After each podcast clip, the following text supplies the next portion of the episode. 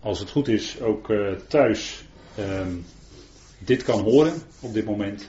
We gaan verder met de studie Typologie van de Tabernakel, deel 2 vanavond. En we gaan dadelijk met elkaar wat lezen en dingen bekijken en aan de hand daarvan kijken wat dat uh, te zeggen heeft. En ik stel voor dat wij beginnen met gebed. Vader, wij danken u dat we zo ook vanavond hier bij elkaar mogen zijn. Dank u wel dat we verlangend zijn om meer uit uw woord te horen. Dank u wel voor dit bijzondere onderwerp. Vader, dank u wel dat we daaruit mogen leren van de schaduwbeelden die u in uw woord heeft laten optekenen. Al zo lang geleden.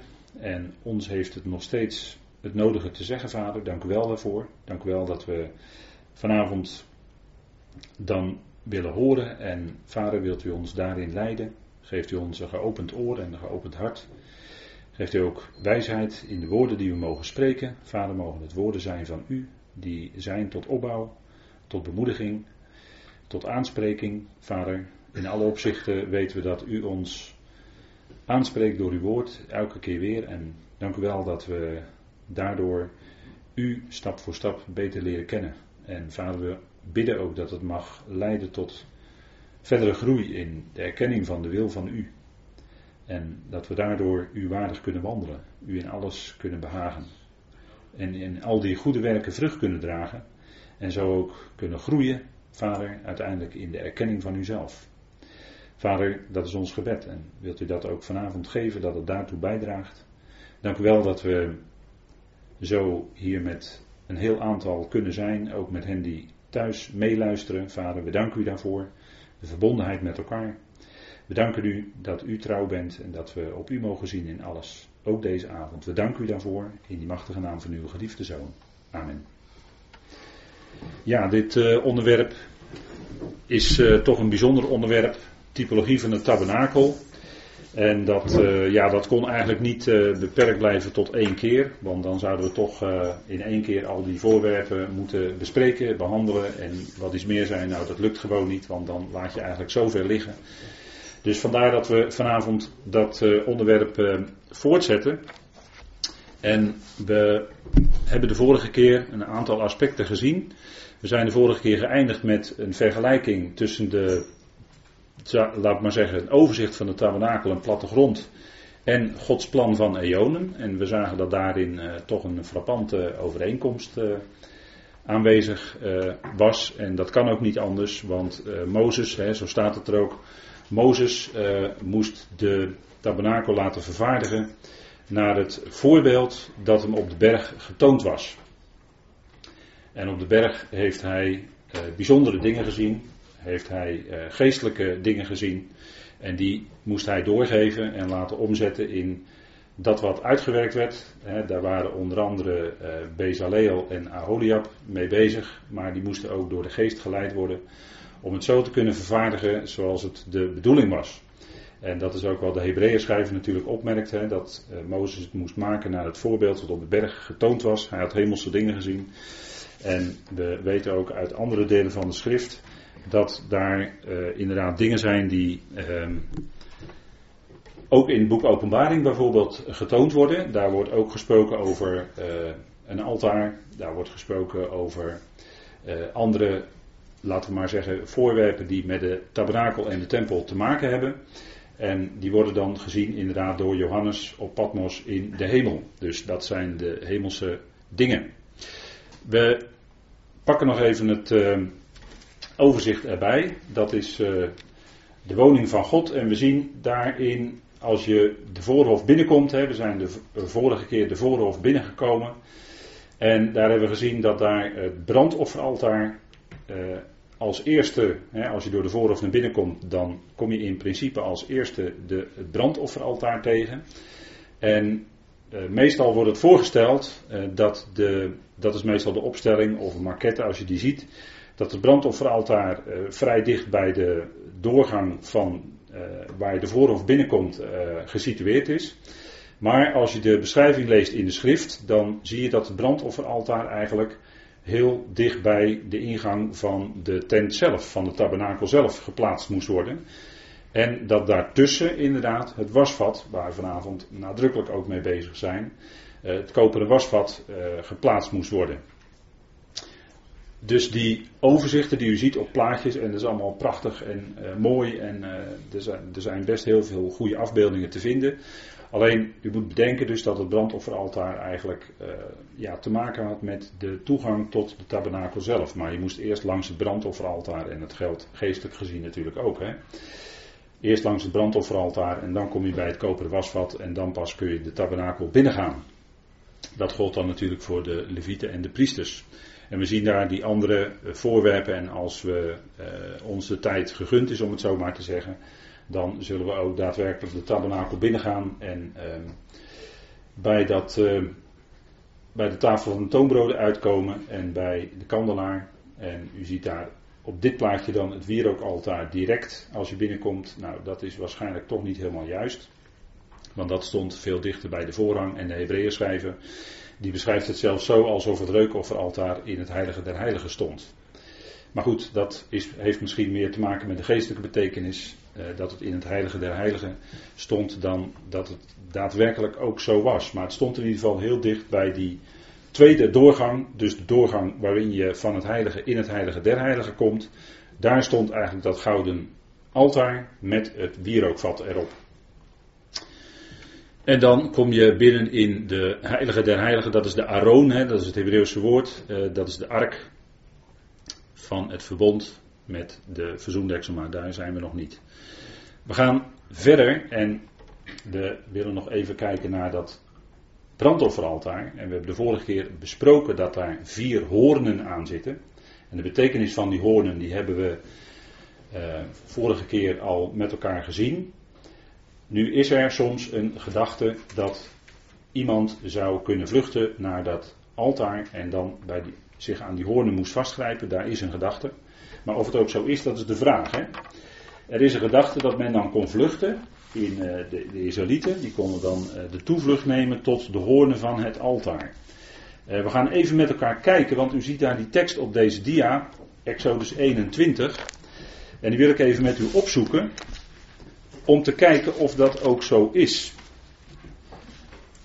Of men dan bij, als men een bepaalde overtreding of zonde had begaan, of men dan kon vluchten naar het altaar en zich als het ware aan die hoorns kon vastgrijpen om dan uh, te ontkomen aan uh, wat het gevolg was van wat diegene als overtreding gedaan had. Exodus 21 en dan lezen wij vanaf vers 12. En ik lees u voor, zoals u gewend bent, uit de herziene statenvertaling. Wie iemand zo slaat dat hij sterft, moet zeker gedood worden.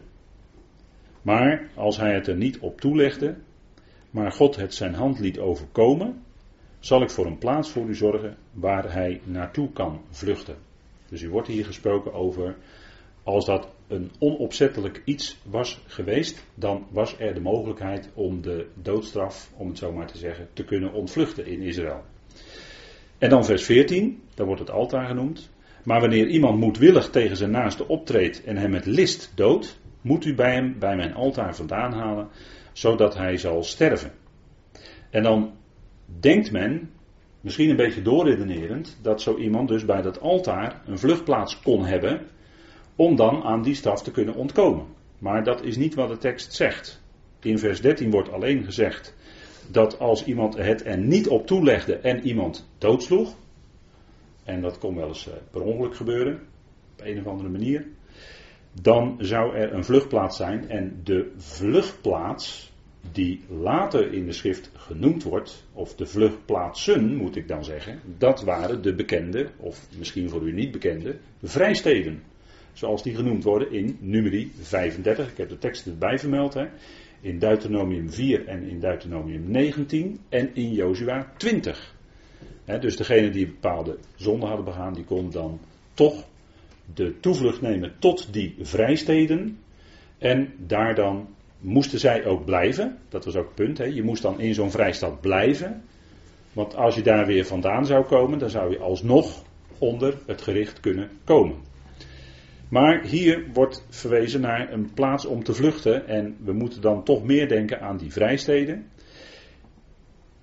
En in vers 14 wordt dan wel dat altaar genoemd, maar dan gaat het hoogstwaarschijnlijk om iemand die dan dienst doet bij dat altaar. En iemand moedwillig tegen zijn naaste optreedt en, en hem het liefst dood. Dan mocht hij niet langer deelnemen aan de dienst en dan moest hij gedood worden. Dus, het, dus het, het, lijkt erop alsof de tekst hier de indruk wekt dat, dat het altaar een, een vluchtplaats is, maar dat kun je toch niet zo uit de tekst halen. Ja, ik hoop dat dat voor u een beetje duidelijk is, want zo'n gedachte leeft er wel eens bij mensen.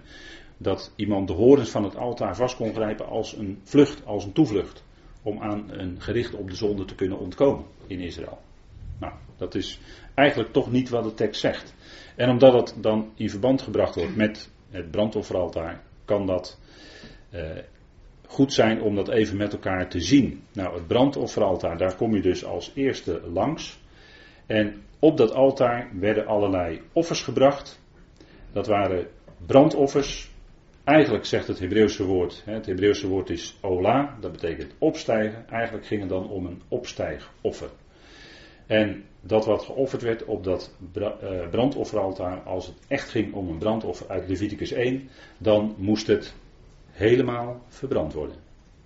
Alles op het altaar en het moest helemaal verbrand worden. Dus het ging helemaal uh, het verdween helemaal. Hè. Het, ging helemaal, het werd helemaal opgebrand.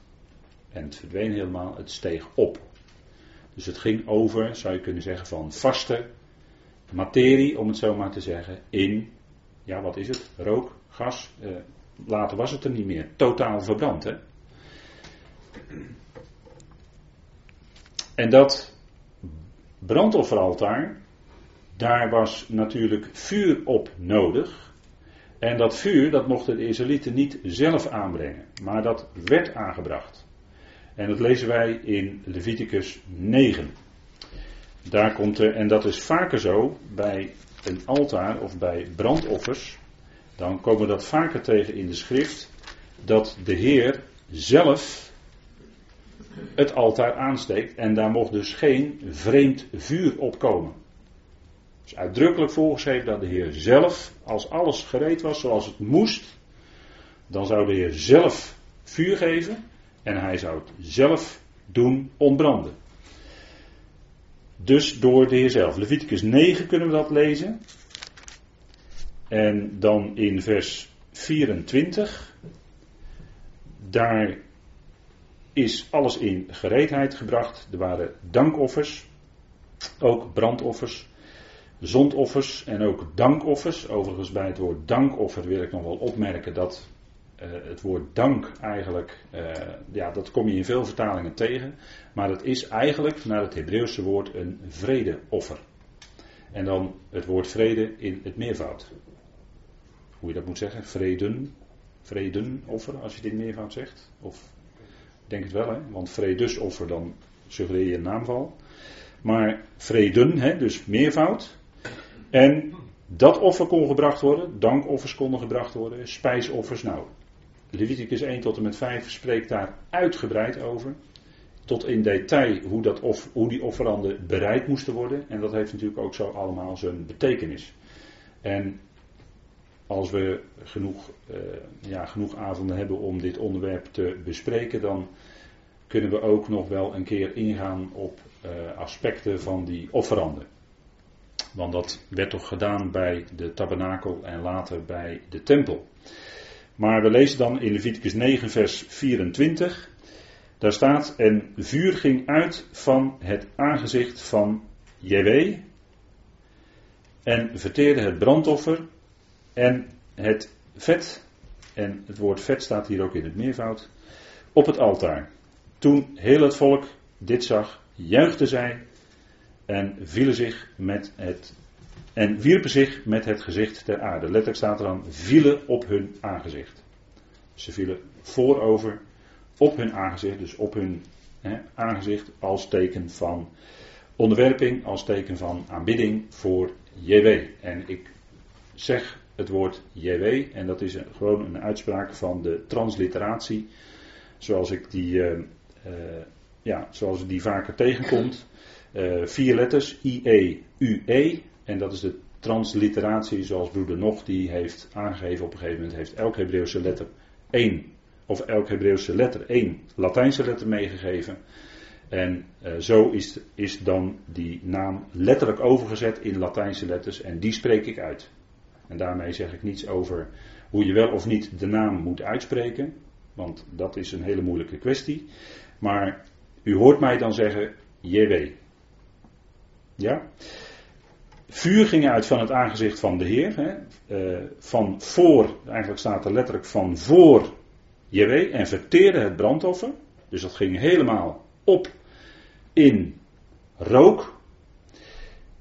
En dat is wat we ook vaker tegenkomen in andere tekstplaatsen. U ziet ze hier op de dia staan. 1 Koningen 18. Dat is een bijzondere gebeurtenis. Dat is Elia en de Baalpriesters. U kent die geschiedenis wel. En het bijzondere is daar dat dat hele altaar ook meeging. Laten we dat even met elkaar lezen ook. Want dat is toch wel een bijzondere gebeurtenis. Hè? Uh, de Baalpriesters, die met zijn, minstens met zijn 400 waren, misschien nog wel meer. En die konden geen vuur krijgen, maar later Elia wel. En wat misschien vaak niet gelezen wordt, is dat daarna Elia deze priesters sloeg. En dan begrijpt u wat ik bedoel, hè? Sloeg. Hij doodde ze dus. Dat deed zo'n profeet als Elia ook, hè? Ja, dat is allemaal heel heftig, maar uh, dat gebeurde wel. En er staat in 1 Koning 18, vers 38 hetzelfde als wat we net gelezen hebben in Leviticus 9. Toen viel er vuur van JW neer, verteerde het brandoffer of opstijgoffer, het hout, de stenen en het stof en zelfs het water in de geul likte het op. Er was flink wat water omheen aangebracht en dat ging ook allemaal in het vuur op. Hè? Het verdween allemaal. Zo'n sterke aanwezigheid van vuur, wat van de Heer kwam. En natuurlijk, vuur is in de schrift een beeld van de geest. Hier gaat het natuurlijk om letterlijk vuur. Maar het was wel het vuur wat van God uitging. En wat het hele altaar dus, alles erop, het stenen, het stof, alles verteerde het. En dat is ook dan daadwerkelijk dat God laat zien dat Hij werkelijk God is. En dat is wat het volk ook doet. Hè? Het hele volk zag dat, zij vielen zich, zij wierpen zich op hun aangezicht. En ze zeiden, de Heere is God, de Heere is God. Enorme erkenning van wat het volk hier doet. En dat is enorm dat hier God tegenover de afgoden, tegenover de Baals, laat zien dat Hij werkelijk God is door dat vuur. En vuur is natuurlijk een beeld van de geest. En vuur is ook in de schrift heel vaak een beeld van het gericht. Want vuur heeft een louterende, een zuiverende werking. En dat is ook wat de geest doet. De geest heeft een louterende, een zuiverende, of moet ik zeggen een reinigende werking. En dan ben ik eigenlijk nu al een heel klein beetje bezig met dat wasvat. Hè? Maar dat is wat uitgaat van de Heer. En hij accepteert dat brandoffer. Hij aanvaardt het. We hebben gelezen in Leviticus 9. In nabijheid van Mozes en Aaron. En het gebeurt bij Elia. Dan heb je eigenlijk de hele wet en de profeten die daarvan getuigen. Dat de Heer werkelijk God is.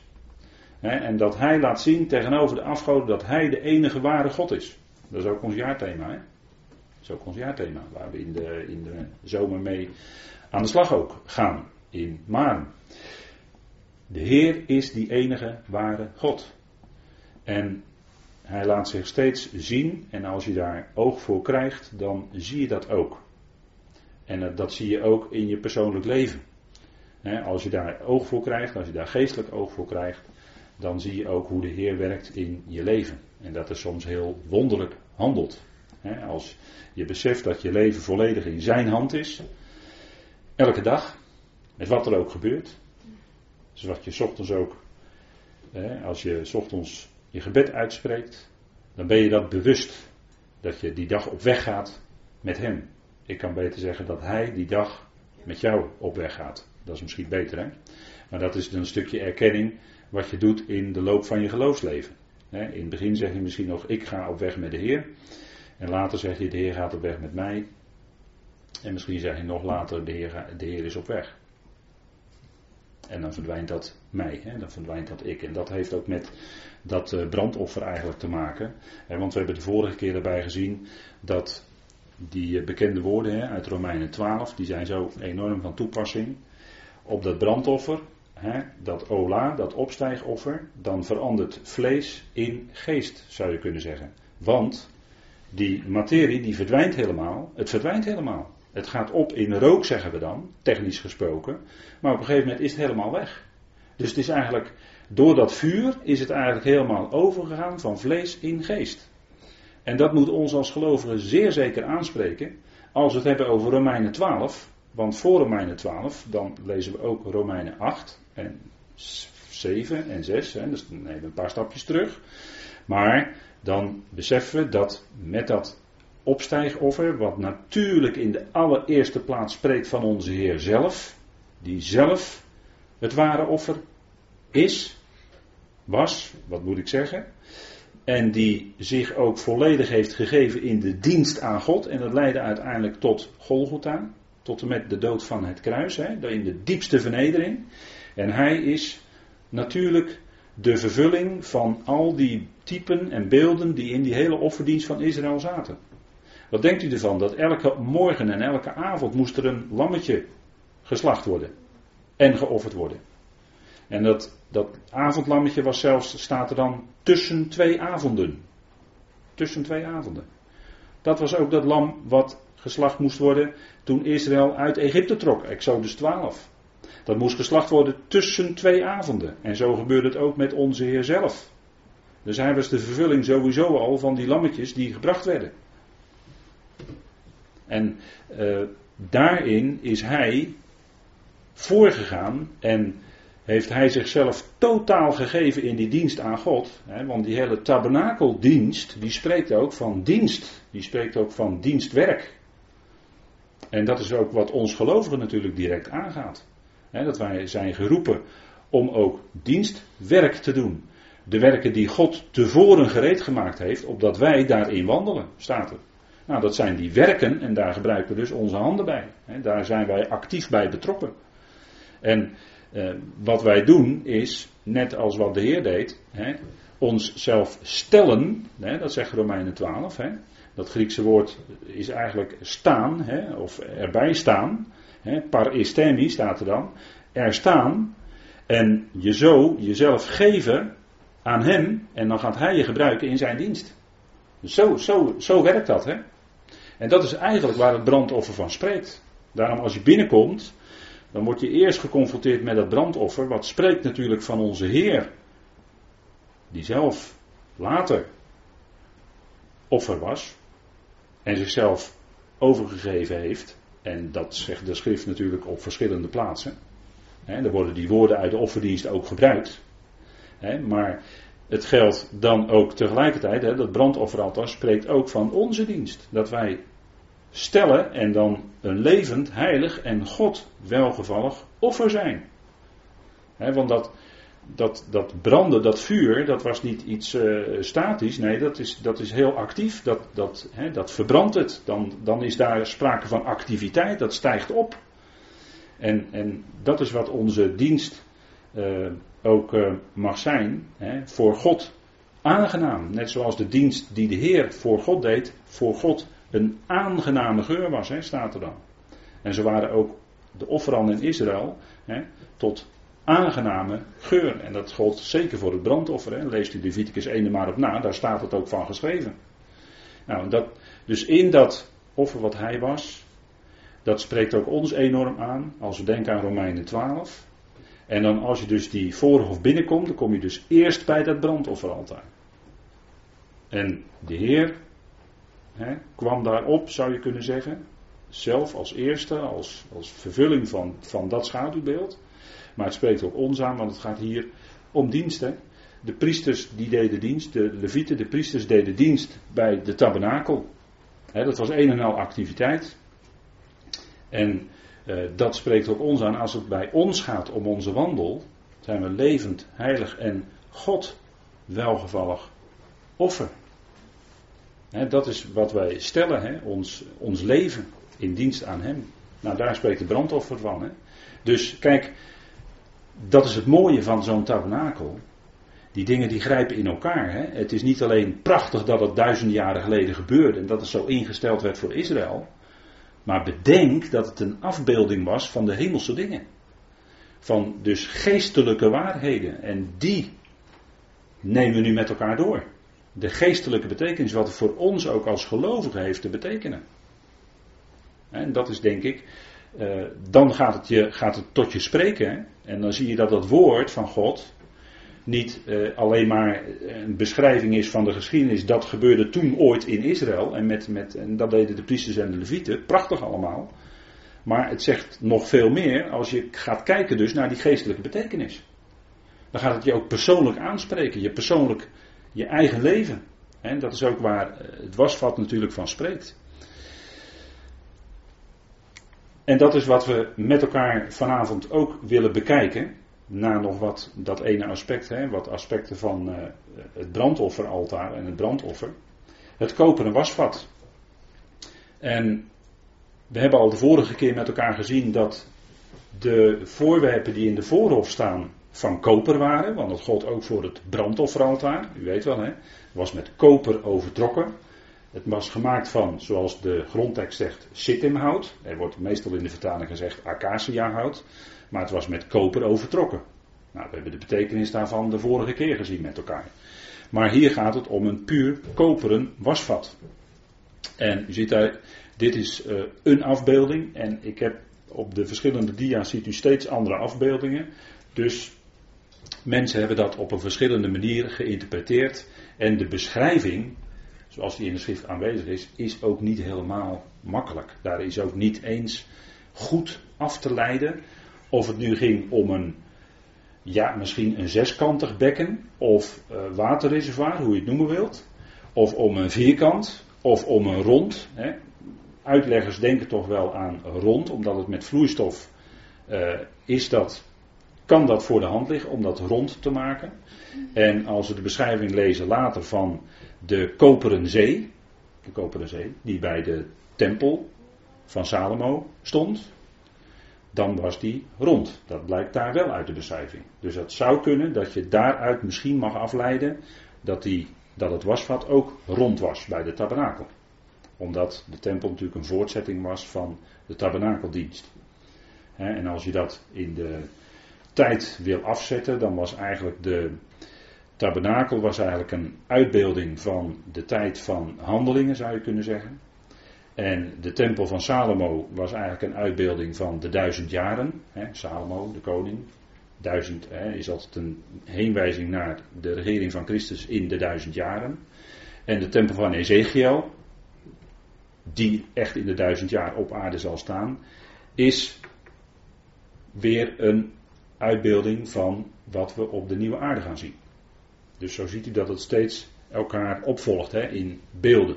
Nou, uh, dat is wat de studie over de doop van broeder nog uh, aangeeft. Hè. Ik geef het maar even mee. En dit is het exemplaar zoals dat in het Tempelinstituut staat. U heeft dat misschien wel gezien als u daar geweest bent. Dan uh, is dat een prachtig instrument zoals zij dat daar vervaardigd hebben. Met kraantjes eraan. het is hier wat bijna wat roodachtig koper. Hè? En uh, er staat ook bij dat het gebaseerd is op de vernieuwingen van Ben Katin. En zo, dit is de afbeelding die u ook op de website van het Tempelinstituut kunt terugvinden. Maar hij staat daar ook in de vitrines. Hè. Als u daar geweest bent, dan is dat uh, prachtig om te zien. Ik vind dat een van de mooiere instrumenten die je daar kan zien. En het allermooiste is de menorah, hè, de gouden menorah die daar in de Staten van Jeruzalem staat. Dat is helemaal magnifiek. Als je dat ziet, dan valt je mond open van verbazing. Zo bijzonder is dat. Uh, maar dit staat dan in het Tempelinstituut. En het wasvat werd gezalfd. Dat uh, kunnen we lezen in Exodus 30, vers 28. Zullen we even met elkaar opzoeken. En daarmee met het punt dat het wasvat gezalfd was. En het moest gebeuren met speciaal daarvoor gemaakte zalfolie. Met een aantal ingrediënten, maar daar gaan we nu niet op in, dat voert voor nu even te ver. Maar moest wel, alles moest gezalfd worden met die speciale zalfolie die we aantreffen in Exodus 30, vers 22 tot en met 33. En dan lezen wij dat al die voorwerpen die moesten gezalfd worden en een belangrijk ingrediënt was natuurlijk olijfolie. En olijfolie was in het Midden-Oosten altijd het, uh, hetgene wat licht produceerde. Dat werd in de lampen gebruikt, weet je wel, olielampen. En daarmee had men dan licht. Dus olijfolie spreekt sowieso altijd van licht. En het spreekt natuurlijk daardoor ook van de geest, de geest van God, die licht geeft. En een afgeleide daarvan weer, het spreekt ook van het woord van God. Want uw woord is een lamp voor mijn voet en een licht op mijn pad. Johannes 1 zegt het ook, hè? in het woord was het leven en het leven was het licht van de mensen. Dus het woord verschaft ook licht hè? In, de, in het geestelijke bereik. Net zoals de olijfolie zorgt voor licht in het materiële bereik, in, in de huistuin en keuken van eh, Israël. Zo verschaft Gods woord ons licht in ons geestelijk bereik en verdrijft het de geestelijke duisternis. Prachtig beeld, hè? Kijk, dat zijn typen die natuurlijk niet voor niets. Eh, de olijfboom is daar natuurlijk niet voor niets ruim voorhanden in Israël. En dat zijn natuurlijk geweldige beelden. Exodus 30 spreekt over die zalfolie. En als we dan lezen in vers 28, dan wordt daar het wasvat genoemd. Hè? Dus Mozes moest alles uh, zalven. En dan gold dat ook voor vers 28 het brandofferaltaar met alle bijbehorende voorwerpen. En het wasvat met zijn voetstuk. Let op dat ook apart dat voetstuk wordt genoemd. Hè? Daar komen we vaker tegen. Het wasvat met zijn voetstuk. Bestonden ze uit twee delen. Worden allebei apart uitdrukkelijk genoemd. dat is ook niet voor niets. we nemen aan dat in dat voetstuk dat daar ook water was. Hè? Dat van boven stroomde naar beneden. In die kom daar beneden, in, in dat voetstuk. En dat daar dus ook water voorhanden was om de wassingen te doen. Nou, daarmee was ook dit voorwerp heilig. Wat wil dat dan zeggen? Apart gezet voor de dienst aan God. heilig, dat, veel mensen denken dat het woord heilig per definitie zonderloos betekent. Dat betekent het niet. Het betekent apart gezet voor de dienst aan God. Want een wasvat kan niet zondigen. Een brandofferaltaar kan niet zondigen. Dat zijn gewoon voorwerpen. Dat zijn gewoon voorwerpen die daar staan en die dienst doen. En daarom zijn ze heilig. De gouden kandelaar was het, tafel van toonbroden enzovoort. daarom waren zij geheiligd. En dat geldt natuurlijk ook voor ons als gelovigen. Ook wij zijn heiligen. Wij worden ook heiligen genoemd. En ook wij zijn gezalfd. En dus apart gezet voor de dienst aan God. Want daar is de gemeente als geheel natuurlijk voor bedoeld. Is niet alleen gered en tevoren gekend en, en al die geweldige heerlijkheid. Hè, te, te, tevoren uitgekozen. Enzovoort, enzovoort. Nee, dat niet alleen. Dat is geen doel op zichzelf. Nee, dat is om voor anderen ten dienste te kunnen zijn. Hè, in dienst te kunnen staan van anderen. En voor ons is het wel heel speciaal dat de gemeente geroepen is voor een dienst aan de hemelse machten en krachten. Bediening te midden van de hemelingen. Daarvoor zijn wij geheiligd, apart gezet en geroepen in de tijd. En dat salve, dat kunnen we terugvinden in 2 Korinthe 1. Laten we het even met elkaar opzoeken. En zoals u weet, heeft Paulus lange brieven nodig aan de Corinthiërs om aan hen geestelijke waarheden en wat geestelijk in zich mee te delen, geestelijke waarheden mee te delen. En daar had hij bij de Corinthiërs heel veel woorden en lange hoofdstukken voor nodig. En dat lezen wij in uh, 2 Korinthe 1, vanaf vers 20. Immers zoveel beloften van God als er zijn, die zijn in hem ja en in hem amen. Tot verheerlijking van God door ons. Dus de bedoeling dus dat de gemeente is tot verheerlijking van God. Dat is het hoogste doel. Hè? Te zijn tot eer en lofprijs van God. Dat is het hoogste. Dat noemt Paulus ook in Filippenzen 1, vers 11. Dat wij zijn tot heerlijkheid en lofprijs van God. Als hij het heeft over de Bema. waar wij gereed gemaakt worden, het laatste moment waar we gereed gemaakt worden voor de bediening die daarna gaat komen. dat wij zijn tot verheerlijking van God door ons en Hij die ons met u bevestigt in Christus en ons gezalfd heeft, is God. Ziet u, wij zijn gezalfd. Wij zijn in Christus, dat wil zeggen in de gezalfde. Dat is onze geestelijke plaats. Hè. Christus betekent gezalfde. Dus wij zijn in de gezalfde en daarmee ook gezalfd door de geest die we hebben ontvangen. En zo geheiligd en apart gezet voor de dienst aan God. En dat apart gezet, betekent dat we wel in de wereld zijn, maar we zijn er niet van. En tussen de wereld en ons staat het kruis. Wat afscheiding maakt. En zo zijn wij geheiligd. En is die roep die klinkt vanuit Romeinen 12, hè, die gaat ons aan. Dat we, we zijn niet langer van onszelf en we zijn er ook niet eh, als gelovigen op uit hè, om, om zelf te bepalen wat, wat we zelf allemaal. Nee, we zijn nu van Hem en nu gaat Hij ons leven bepalen. En is de bedoeling dat we ook daadwerkelijk uh, leven. Hè? We zeggen dan altijd: worden wie je bent. Hè? Je bent in Christus en daarmee gezalfd. Fantastisch. Maar nu ook daadwerkelijk die wandel en dat dienstbetoon wat Hij geeft te doen. En dat hoeven we ook niet in eigen kracht te doen. Daar hebben we juist die geest voor ontvangen.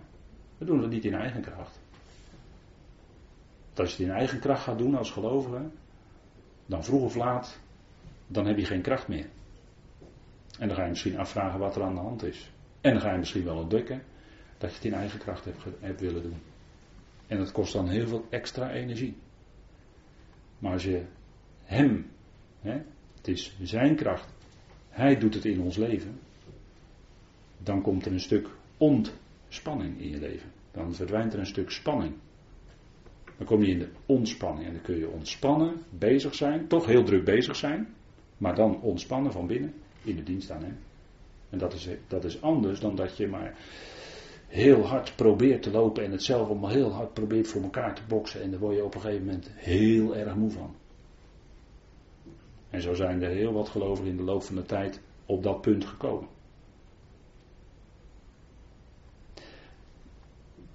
Hij die ons gezalfd heeft, hij die ons apart gezet heeft, is God. Niemand, minder dan God. Hè? Die grote God die we mogen kennen door de Heer. Die heeft ons apart gezet. Die grote God, die alles in zijn hand heeft, die alles, hè, die alle touwtjes in handen heeft. Bij wie niets misgaat. Maar hij heeft ons leven in zijn hand. En dat is, uh, en in verband met die dienst in de tabernakel was daar ook dat wasvat. Dat is een belangrijke, had een belangrijke functie. Daarmee heilig. En wij zijn dat ook. Ondanks dat u denkt van nou ik ben niet altijd een heilig boontje, maar daar heeft het dan ook niet zo mee te maken. We zijn gewoon mens. Maar wel apart gezet en daardoor toch bijzonder. Koper, hè? het was een koperen wasvat. Koper spreekt van verbindingen. Dat heb ik de vorige keer aangegeven. Hè? Koper zorgt voor verbindingen. Toepassing in het dagelijks leven. Als je, als je nadenkt over koper, dan heeft het te maken met verbinding. Ik heb u daar vorige keer een aantal voorbeelden van gegeven. En natuurlijk spreekt het dan in de allereerste plaats van onze Heer, want dat wasvat spreekt in de allereerste plaats van onze Heer. En dat koper spreekt van Hem die daadwerkelijk verbindt. Die de middelaar is tussen God en mensen en die die verbinding tussen God en de mensen daadwerkelijk tot stand heeft gebracht. En dan praten we over geestelijke verbinding. Hè? Hij is die ene middelaar tussen God en mensen, mens Christus Jezus, staat er dan. En hij brengt de mens bij God. Dat is zijn functie. Hij brengt die hele mensheid bij God. En als middelaar verbindt hij God en die mensen. En dat is precies dezelfde functie als het kopen in het dagelijks leven. En daarin, hè, we moeten al die dingen die daar staan. Want waarom staat er anders zo nadrukkelijk dat dat van koper gemaakt moest worden? Dat moet je altijd afvragen in de schrift. Waarom staat het er dan? Anders heeft het geen zin. Het moet een betekenis hebben. En dan moet je dan naar zoeken. Wat is nu die betekenis daarvan? En dit is een prachtige betekenis, als u het mij vraagt. Christus die verbindt God en de mensen. En als het gaat om de gemeente, is Hij het ook die verbindt onderling. Want we hebben allemaal diezelfde band met Christus en Hij zorgt voor die band. We zijn allemaal één in Hem. Hè? Als het gaat om in Christus, dan is ook, wordt die eenheid enorm benadrukt. En het is ook die ene geest die Hij toedeelt. En daarom zouden we ook die eenheid van de geest bewaren. Afgelopen weekend hadden we nog een, eh, een lang gesprek. En dat, dat punt kwam op een gegeven moment ook heel duidelijk naar voren. Hè. We zouden die eenheid van de geest bewaren met de band van de vrede. Wij hoeven die eenheid van de geest niet te maken.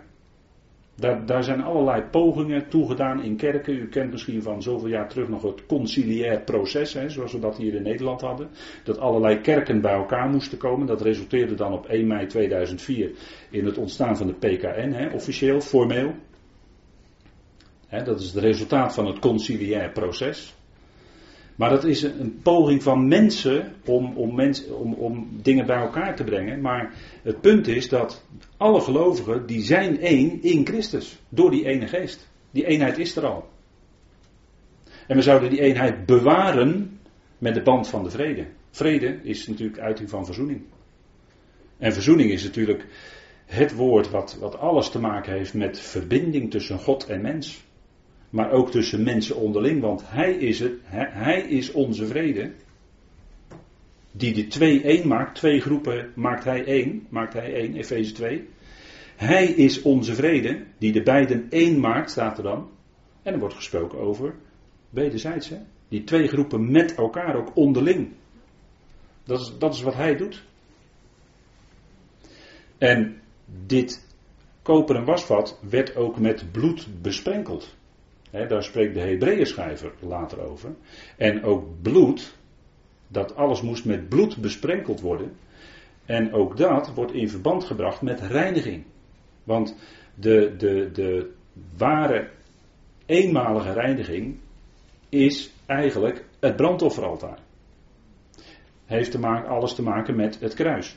Maar ook het bloed heeft een, zeker een reinigende werking als we Hebreeën 9 er even bij pakken, u ziet die tekst op de dia afgebeeld, Hebreeën 9 vers 19 tot en met 22.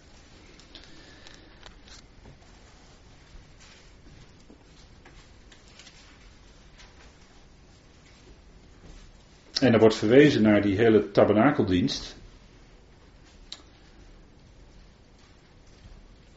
En er staat wel nadat elk gebod overeenkomstig de wet aan heel het volk door Mozes meegedeeld was, nam hij het bloed van de kalveren en van de bokken met water en scharlakenrode wol en hyssop en besprenkelde het boek zelf en heel het volk, terwijl hij zei, dit is het bloed van het verbond dat God u bevolen heeft. Ook de tabernakel en ook al de voorwerpen voor de dienst besprenkelde hij op dezelfde manier met het bloed. Dus er staat hier de tabernakel en al de voorwerpen, dus ook het wasvat dat is wat we mogen aannemen op grond hiervan. Besprenkelt hij op dezelfde manier met het bloed en bijna alles wordt volgens de wet door bloed gereinigd. Ziet u het? Het wordt door bloed gereinigd. En er was natuurlijk een type van het ware bloed van Christus, wat later vergoten zou worden en wat werkelijk, dat lijden en sterven van Christus was werkelijk reinigend. En was eenmalig en ook definitief. Daarna hoefde het niet herhaald te worden. En alles wat onder het oude verbond gebeurde in deze dienst was natuurlijk een schouderbeeld daarvan. Maar werd steeds herhaald en daarom was het niet definitief. Dat maakt Hebreeën duidelijk. Hè? Maar die eenmalige reiniging is tot stand gebracht op Golgotha door het bloed van Christus. Maar we zien hier dus dat ook die voorwerpen door bloed, met bloed besprenkeld werden en daarmee ook gereinigd werden dat was de eh, rituele reiniging, zou je kunnen zeggen, eh, bij Israël.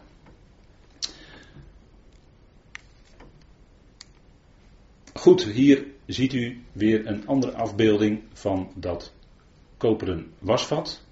En de teksten die in de schrift spreken van dit wasvat, waar ze genoemd worden. Uh, uitdrukkelijk wordt ook die zalving genoemd, hè, die we net al even met elkaar gezien hebben. Die daadwerkelijke zalving wordt beschreven in Leviticus 8, vers 11. En de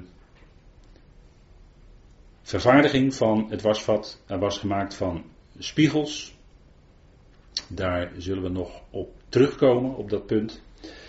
En dan in 39 instructies en hoofdstuk 40, vers 7 en 11 het plaatsen en het water. En daadwerkelijk het in gebruik nemen van het wasvat. Maar u ziet dat, u ziet dus aan allerlei uh, illustraties wat er allemaal bij gedacht is. Hè? Nou, Exodus 30, daar wordt de opdracht aan Mozes gegeven. En JW sprak tot Mozes zeggend: En jij zult een vat van koper maken. En dat vat is dan eigenlijk het bovenste reservoir waar het water in werd gedaan. En met een voetstuk van koper. Hier zien we dus ook duidelijk dat het voetstuk weer afzonderlijk genoemd wordt. Voor wassingen. Dus het had een duidelijke functie. Het moest gebruikt worden voor wassingen. En het plaatsen van de tent van de, en, en het plaatsen tussen de tent van samenkomst, ontmoeting en tussen het altaar. En water erin geven. Nou, hier op deze afbeelding, bij deze dia, ziet u het exemplaar zoals dat in Israël opgesteld staat in dat nationale park daar, in Timna. Dat is iets ten noorden van Eilat. Daar staat een uh, maquette van de tabernakel opgesteld. Daar kun je naartoe gaan als je dat wil en daar rondlopen. dat is uh, behoorlijk groots opgezet. Nou, daar staat dit wasvat. En u zult daar water in geven. En nou waren zij in de woestijn. En in de woestijn is er meestal weinig water. Maar waar kwam dat water nou in de eerste plaats vandaan? Uit Exodus 17. Kunnen we even met elkaar opslaan. Hè? Hoe kwamen zij nu aan dat water? En daarin zien we dat het weer een duidelijke verbinding heeft met de Heer. Exodus 17. En u ziet er al boven staan, water uit, waar komt het vandaan? Water uit de rots. Water uit de rots. En daar twistte het volk met Mozes, eigenlijk met de Heer dus. Massa en Meriba. En Mozes krijgt de opdracht om bij de Horeb te gaan staan. Vers 6, ik zal het even voor het verband, eh, voor de, omwille van de tijd zal ik alleen vers 6 lezen. Zie, ik zal daar voor u op de rots bij Horeb staan, zegt de Heer. Dus de Heer stond voor Mozes op die rots bij Horeb. Dat is een enorm gebeuren geweest hoor. Dan moet u op de rots slaan en er zal water uitkomen, zodat het volk kan drinken. En Mozes deed dit voor de ogen van de oudste van Israël. En hij sloeg op de rots en er kwam water uit. En het is heel goed mogelijk dat dat water gebruikt werd voor dat wasvat. Want waar haal je anders water vandaan uit de woestijn? Want daar morde het volk om. Hè? Murmureren. Hè? Dat is het werkwoord wat we, we hebben uit de geschiedenis van Israël. Het volk murmureerde. Dat het, uh, moet altijd moeite doen om het goed uit te spreken. Maar dat was hier ook aan de hand. En de Heer zegt: slaap de rots. En er was een beeld. Dit is natuurlijk een type wat in de toekomst gebeurde. Met de Heer zelf, met de Christus. Hij werd geslagen op Golgotha. En daarna, daarna werden de sluizen opengezet van het water, van het levende water. Doordat hij stierf en opstond. Hij werd geslagen. Want Paulus zegt in 1 Korinthe 10 dat een geestelijke rots met hen meeging. En dat was de Christus. Dat verwees naar de Christus, hè? 1 Korinthe 10. Het volk murmureerde. Paulus verwijst daarna terug. 1 Korinthe 10.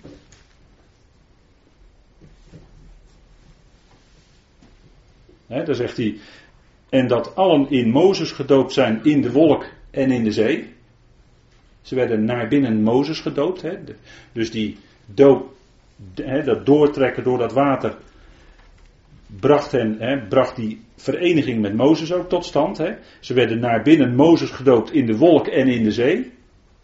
En ze dronken en ze aten alle hetzelfde geestelijke voedsel. Ja, ze aten letterlijk manna. Maar dat was in feite, het brood wat uit de hemel neerdaalde, was in feite de Heere hetzelfde geestelijke voedsel gegeten hebben en allen dezelfde geestelijke drank gedronken hebben. Ze dronken namelijk uit een geestelijke rots die hen volgde en die rots was Christus. Dus was dat slaan op de rots was een type van Golgotha waar de Heer geslagen werd ten dode toe. En dat hij opgewekt werd uit de dood. En daarna, toen hij verhoogd was, gaf hij ook dat levende water, stortte hij de geest uit. Waar allen die behoren bij het lichaam van Christus deel aan hebben. Op het moment dat je tot geloof komt, word je gedoopt in die ene geest en ben je dus één met al die leden. En eh, dan drink je daarna uit inderdaad die geestelijke rots. Dan drink je daarna uit, uit hemzelf, hè, wat hij geeft. Dat levende water van zijn woord. Hè, want water is in de schrift onder meer en, en zeer belangrijk een beeld van het woord. Wat wij nodig hebben. Hè, en wat uh, een geweldige werking in ons heeft. En daar wijst Paulus op. Dus dat water, dat, werd, dat kwam hè, in dat wasvat. Dat is heel goed mogelijk uit die geslagen rots. En wat hebben we dan? Een geweldig beeld. Hè? Dat water van dat wasvat, in dat wasvat, is een beeld van het woord wat de Heer ons geeft. En wat dat reservoir boven is gevuld. Hè? Dat woord komt vanuit God. Hè? Want God geeft zijn woord en het komt van boven. Het stroomt naar beneden. Hè? Want die voet van, dat, van het wasvat staat op aarde. Zodat je daar ook je voeten kan wassen. En daar zullen we dan uh, na de pauze wel even op terugkomen. Zodat je je voeten kan wassen als het gaat om je wandel. En dat dat woord bij je blijft, maar ook in je werkt. En dan heeft het een reinigende werking. Want daar spreekt het wasvat van. Van het water dat een reinigende werking heeft. En dat water, daar moesten de levieten en de priesters zich mee wassen voordat zij dienst konden doen in de tabernakel. En dat was een uitdrukkelijk voorschrift, want als ze het niet deden, zouden ze zelfs sterven. Staat er, zullen we ook met elkaar nog gaan zien. Dus dit wasvat had een hele belangrijke functie.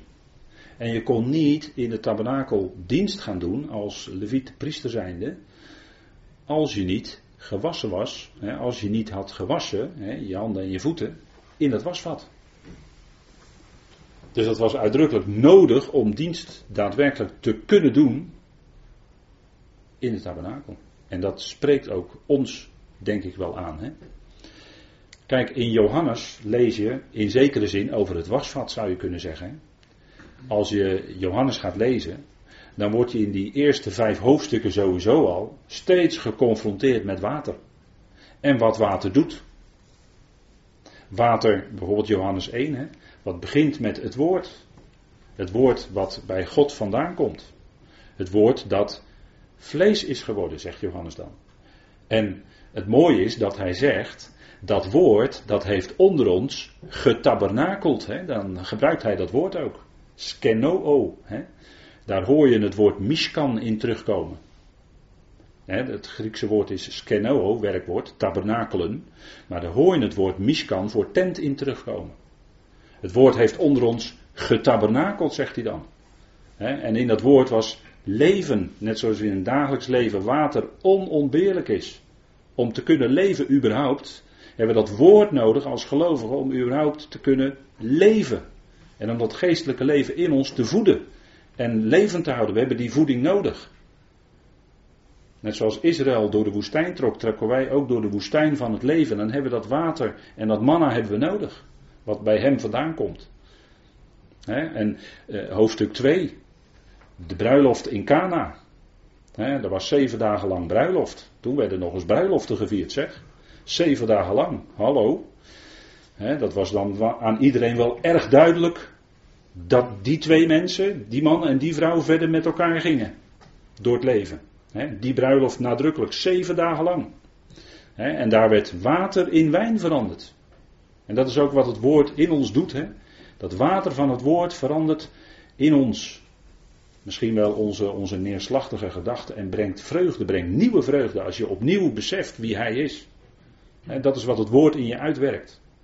Dat je opnieuw beseft wie Hij is, dan geeft dat nieuwe vreugde in je. De wijn.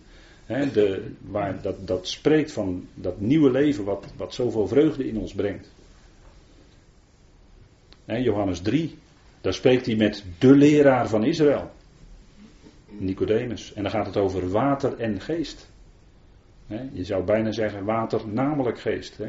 Als je het in, in type wil zeggen. Johannes 4, daar spreekt de Heer Jezus met die Samaritaanse vrouw. Bij de Jacobsbron. Dan gaat het om water. Bij de bron. En een bron belooft water. Maar de Heer sprak van het bijzondere water wat Hij geeft, dat levende water. En dat had ze nodig.